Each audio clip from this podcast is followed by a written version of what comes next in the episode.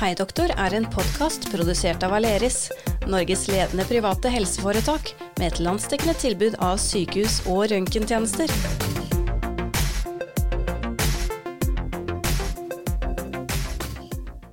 Hallo, hallo, og velkommen til nok en episode av Hei doktor, podkasten der vi tar opp ulike temaer innenfor det store området helse. Jeg heter Dina Heier Pedersen, og i dag så har jeg fått med meg nok en gang inn i studio par- og samtaleterapeut ved Aleris, Stine Marie Ferd. Velkommen. Takk. I dag så skal vi snakke om noe som eh, jeg vet at eh, mange lurer på mye rundt, og det er eh, nemlig parterapi. Så jeg må egentlig bare spørre deg først, jeg. Ja. hva er parterapi? Parterapi, det går ut på at jeg som parterapeut har en samtale med et par om hvordan de kan få en bedre relasjon. Om hvordan de kan forstå hverandre bedre og, og eh, være litt mer løsningsorienterte, kanskje. Og hvem er det som eh, eh, kan gå i parterapi, da? Alle kan gå i parterapi. Alle par kan komme til meg og gå i parterapi. Det, alle aldre og ulike faser i livet kan ha behov for en tredjeperson eh, med fagutdannelse som kan sitte og hjelpe dem litt i en låst relasjon. Så selv eh, et eh, par som er relativt ferskt, kan, kan gå til deg, er det så å forstå? Ja, mange ganger så kan det være nyttig. Ja. Fordi at vi har jo med oss noen mønstre på å løse konflikter på, f.eks. Det kan være mønster som går helt tilbake fra barn og oppvekst. Så har, eh, har de med seg forskjellige mønstre inn og fortsetter å løse sånn som man kanskje alltid har gjort. Og da nytter ikke liksom å ha en, en venn til å sitte og, og høre på, kanskje? Det Nei, da tenker jeg at det er lurt å ha en objektiv person som har uh, utdannelsen parterapeut, uh, og, og har god erfaring på dette området, som kan hjelpe de å, å finne ut av hva slags mønster er dette her. Og dette mønsteret her er kanskje ikke så bra for oss. Men hvorfor havner par i, i låst kommunikasjon? Eh, Hvordan er det man eh, håndterer det? Altså, Jo, ehm, det er, det er litt tilbake til, til dette vi snakket om nå, at man havner ofte i et sånt dårlig mønster. Altså det er jo det er veldig mange utfordringer, og særlig i dag pga. den situasjonen vi er i, hvor mange er veldig mye oppå hverandre og har veldig mye ansvar, og at det kanskje er litt frykt også. Eller så er det det at når man får barn, så snus jo noen ganger livet på hodet. Det blir veldig annerledes enn det man trodde, kanskje. Og, og det blir sånn Hvordan skal vi oppdra disse barna? Er vi enige om det? Eller så er det andre ting som skjer i livet som gjør at man kan få det, kan få det vanskelig i relasjonen. for som du snakka om barn, da, det er kanskje mange som tenker at det, det er en dans på roser. Eller ikke nødvendigvis, men at eh, det blir så flott, da. Og, og at vi, vi, vi sammen, vi, vi skaper et nytt liv. Ja. Men eh, så tenker ikke på det at det er bleieskift opp om natta, kanskje. Og, Ja, Og det der? Ja, og det er, og det er det er veldig fint å få barn. Eh, Det er, det er en fantastisk ny ting å få inn i livet. Men det er også en utfordring. For det er som du sier, at eh, hvis man ikke får sove om natten, så blir man veldig sliten på dagen. Og så er det ikke så lett å hvile seg på dagen når du har små barn. Og så skal du gjøre ditt ytterste hele tiden. Og så føler man noen ganger at da har man nesten ikke eh, plass til en partner. Og så kan man skuffe partneren sin fordi man føler at eh, jeg har ikke ork, det er så mye med barna, eh, så jeg har ikke ork til så mye annet. Og så kanskje den andre sitter og føler at øh, er ikke jeg bra nok nå? Er ikke jeg god nok? Men kan det være at man har litt ulike forventninger også? Altså til hva, hva, hva en, en sånn ting gjør, da? Eller f.eks. å si at man skal dra på ferie. Det opplever jeg ofte at det er noe som gjør at uh, man kan være litt sånn tett oppå hverandre. Da. Eller ikke at vi får dratt så mye på ferie nå, men, uh, men sånne ting. Mhm, ja, Så det, ja det er noe, så er det noe med da å avklare forventningene på forhånd, kanskje. Mhm. Eh, og, og vi er forskjellige, men det er noe med å akseptere de forskjellene. Um, og så er det litt tilbake til disse unge uh, som kommer, eh, som kommer Noen har kommet til meg i terapi før de gifter seg. Bare for å ha noen redskap til å bruke hvis ting skulle forandre seg når de blir gift og flytter sammen, eller Litt forebyggende arbeid, er det det? Ja, ja. Og det tenker jeg Jeg har også et par som er eh, gravide, som har kommet til meg også for det samme. For å vite hvordan blir dette her, kan vi få noen redskap som kan hjelpe oss hvis det skulle bli vanskelig for oss. Så det er, eh, det er som sagt mange som, eh, som kan eh, få hjelp av terapi. Det må ikke være noe akutt der og da, men det er jo klart at der er det også hjelp å få. Men hva er typiske krangler eller utfordringer som du møter på i terapirommet? Altså, hva kan det være? Du vet hva, det er så mye forskjellig.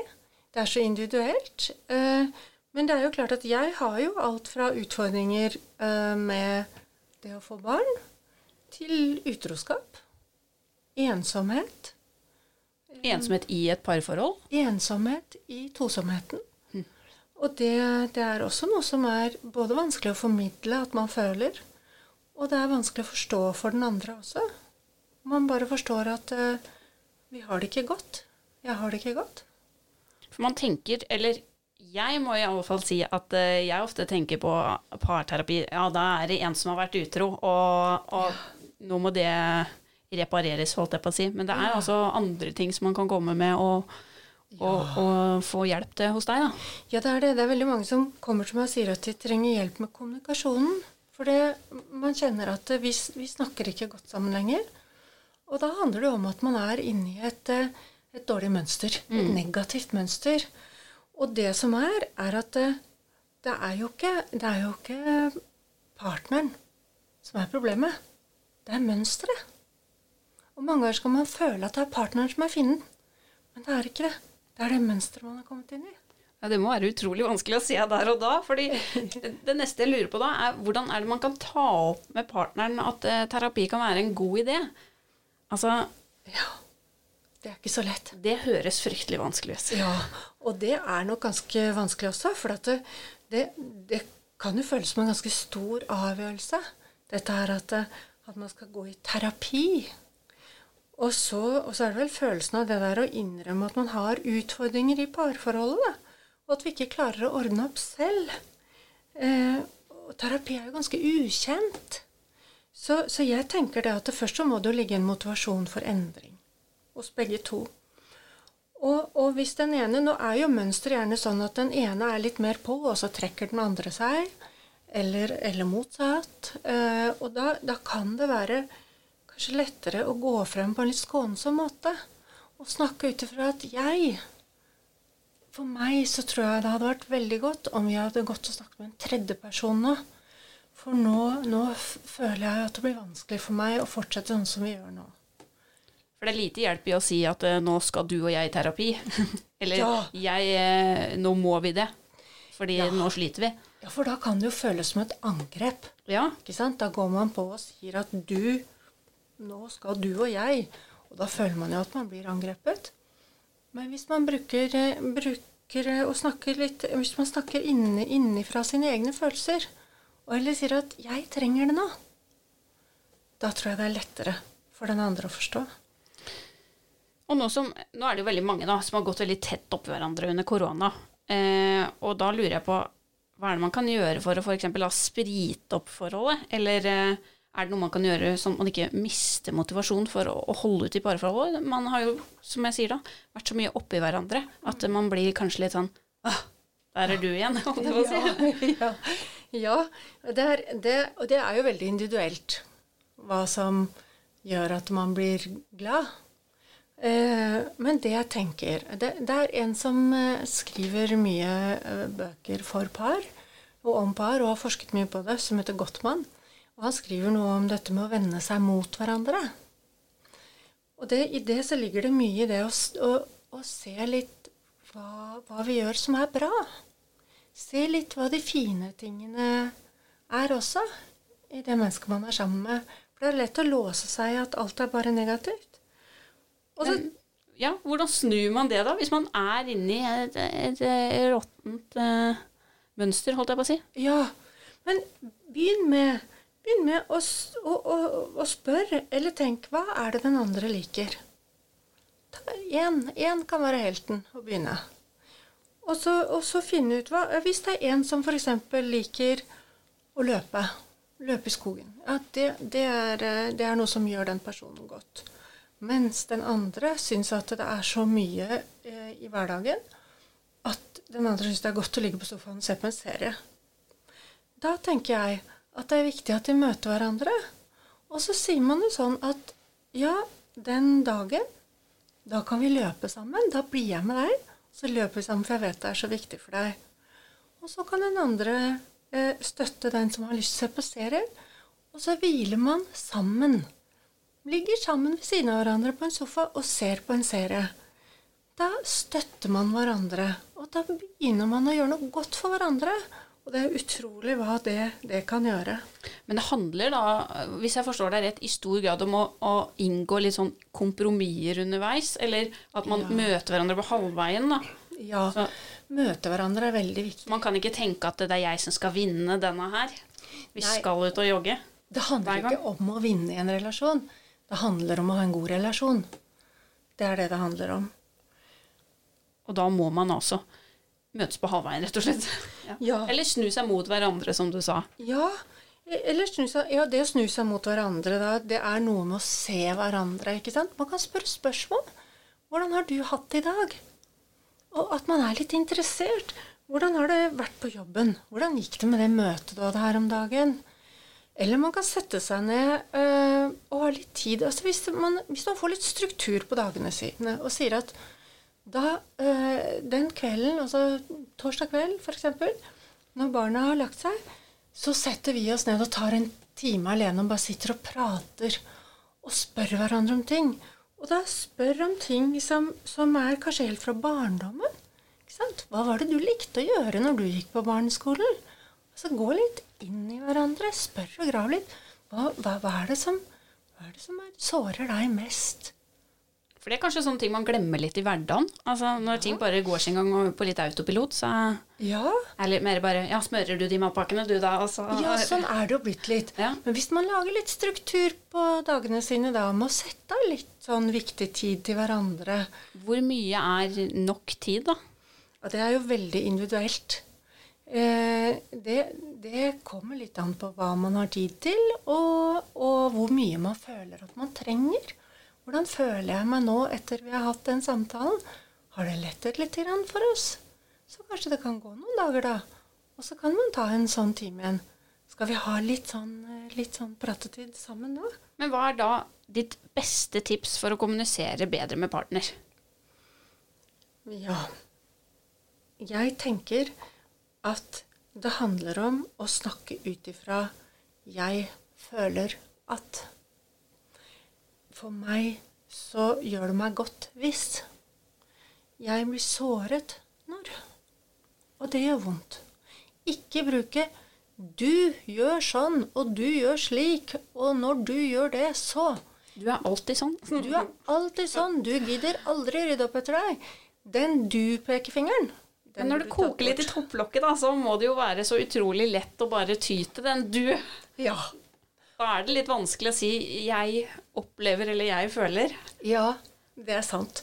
For da, da regulerer man ikke seg selv noe særlig når det koker i topplokket. For da har man gått i noe vi kaller fight and flight. Og det vil si at uh, da er man litt i sånn krigssone når det har gått dit. Og da må man enten gå litt bort og roe seg ned litt til å puste litt rolig. Ta en timeout, rett og slett. ta en liten timeout, sånn at man kan For den rasjonelle evnen, den funker ikke godt da. Eller så kan Hvis du har gått og snakket litt sammen, eller snakket litt sammen selv, og du har, man har funnet litt grann ut av hva, hva betyr denne atferden, hva skjer egentlig bak atferden, så kan man, når, når den andre personen blir sint, så, så kan man si at å, nå, nå er det et eller annet vondt i denne personen. Nå har det kanskje skjedd noe i dag. Eller nå, hva skjedde egentlig hos han nå? Og så kan man hjelpe å regulere. Eller hvis, eh, hvis hun blir veldig sint for noe. Og så har man snakket så mye sammen at man, man skjønner at å, nå er hun litt høyrøst og sånn fordi at, fordi at nå er jeg inne på et sårt punkt. Ja, det var det vi snakket om. Så kan man hjelpe til å regulere henne. Kan hjelpe til å skru ned temperaturen, rett og slett. Ja, men du har jo tid til et eksempel der? Ja, det har vi absolutt. Ja, for jeg har et sånn godt eksempel på det. Og det er et, et par som, eh, som, som var så fortvila over at hver gang hun ble høyrøstet eller engasjert, så gikk partneren. Da gikk han opp på kontoret sitt. Opp trappen, opp i andre etasje, inn på, satt seg på kontoret sitt. Og det ble hun så såret av, for hun følte seg så avvist. Så de blir bare mer og mer låst de, av dette her. Og når vi begynte å snakke litt om mønster og oppvekst, og sånne ting, så kom det frem at når han var liten, og foreldrene begynte å bli litt eh, høyrøstet eller litt engasjerte, og det begynte å bli noe som lignet en krangel, så fikk han beskjed om å gå på rommet sitt. Og det var meningen å skåne han, som sikkert var en fin mening. Men resultatet var at et helt liv hadde han gått på rommet sitt når det ble krangling. Og det, var, det fungerte godt for han. Men det han ikke visste, var at kjæresten hans følte seg jo så avvist. For hun visste jo ikke hva han drev med. Nei, Hun fikk kanskje ikke kommunisert det som hun trengte å få sagt? da, eller? Nei, hun følte at hun ble litt sånn som vi kaller for stonewalled. Altså at han ikke Han viste ikke noen følelser. Han møtte henne ikke. Han snudde ryggen til henne og gikk, følte hun. Han lukka døra, rett og slett? Han døra, han ble ikke respektert, følte hun. Og det ble mange følelser ut av det. Men når vi kom frem til hva dette egentlig handlet om, så snudde jo hele det mønsteret seg. For hun skjønte jo hva som skjedde, og han skjønte sitt eget mønster òg. Og så begynte de å, å snakke om at nå, jeg har ikke tenkt til å, å, bli sint nå, jeg vil bare at du hører. Det er ikke noe farlig den situasjonen vi er nå. Jeg vil bare at du hører på meg nå, ikke gå nå. Og da skjønte han med en gang at å ja, nå er vi i en sånn situasjon. Nei, jeg behøver ikke gå nå. Da jeg var liten, måtte jeg det, men nå behøver jeg ikke. Det er ikke farlig å stå i dette. Så det er et eksempel på å løse et mønster som man kanskje ikke aner at er der i det hele tatt. Nei, og det kan være sikkert veldig vanskelig å se sjøl. Eh, og med det så ønsker jeg egentlig at vi skal runde av og si tusen takk til deg, og forhåpentligvis så fikk du som lytta kanskje en uh, liten uh, idé om at terapi kan være lurt for deg. Eller så har du kanskje fått noen verktøy som du allerede kan ta i bruk. Aleris direkte til legespesialist. Ingen ventetid uten henvisning. For mer informasjon eller timebestilling, se aleris.no, eller kontakt din nærmeste avdeling.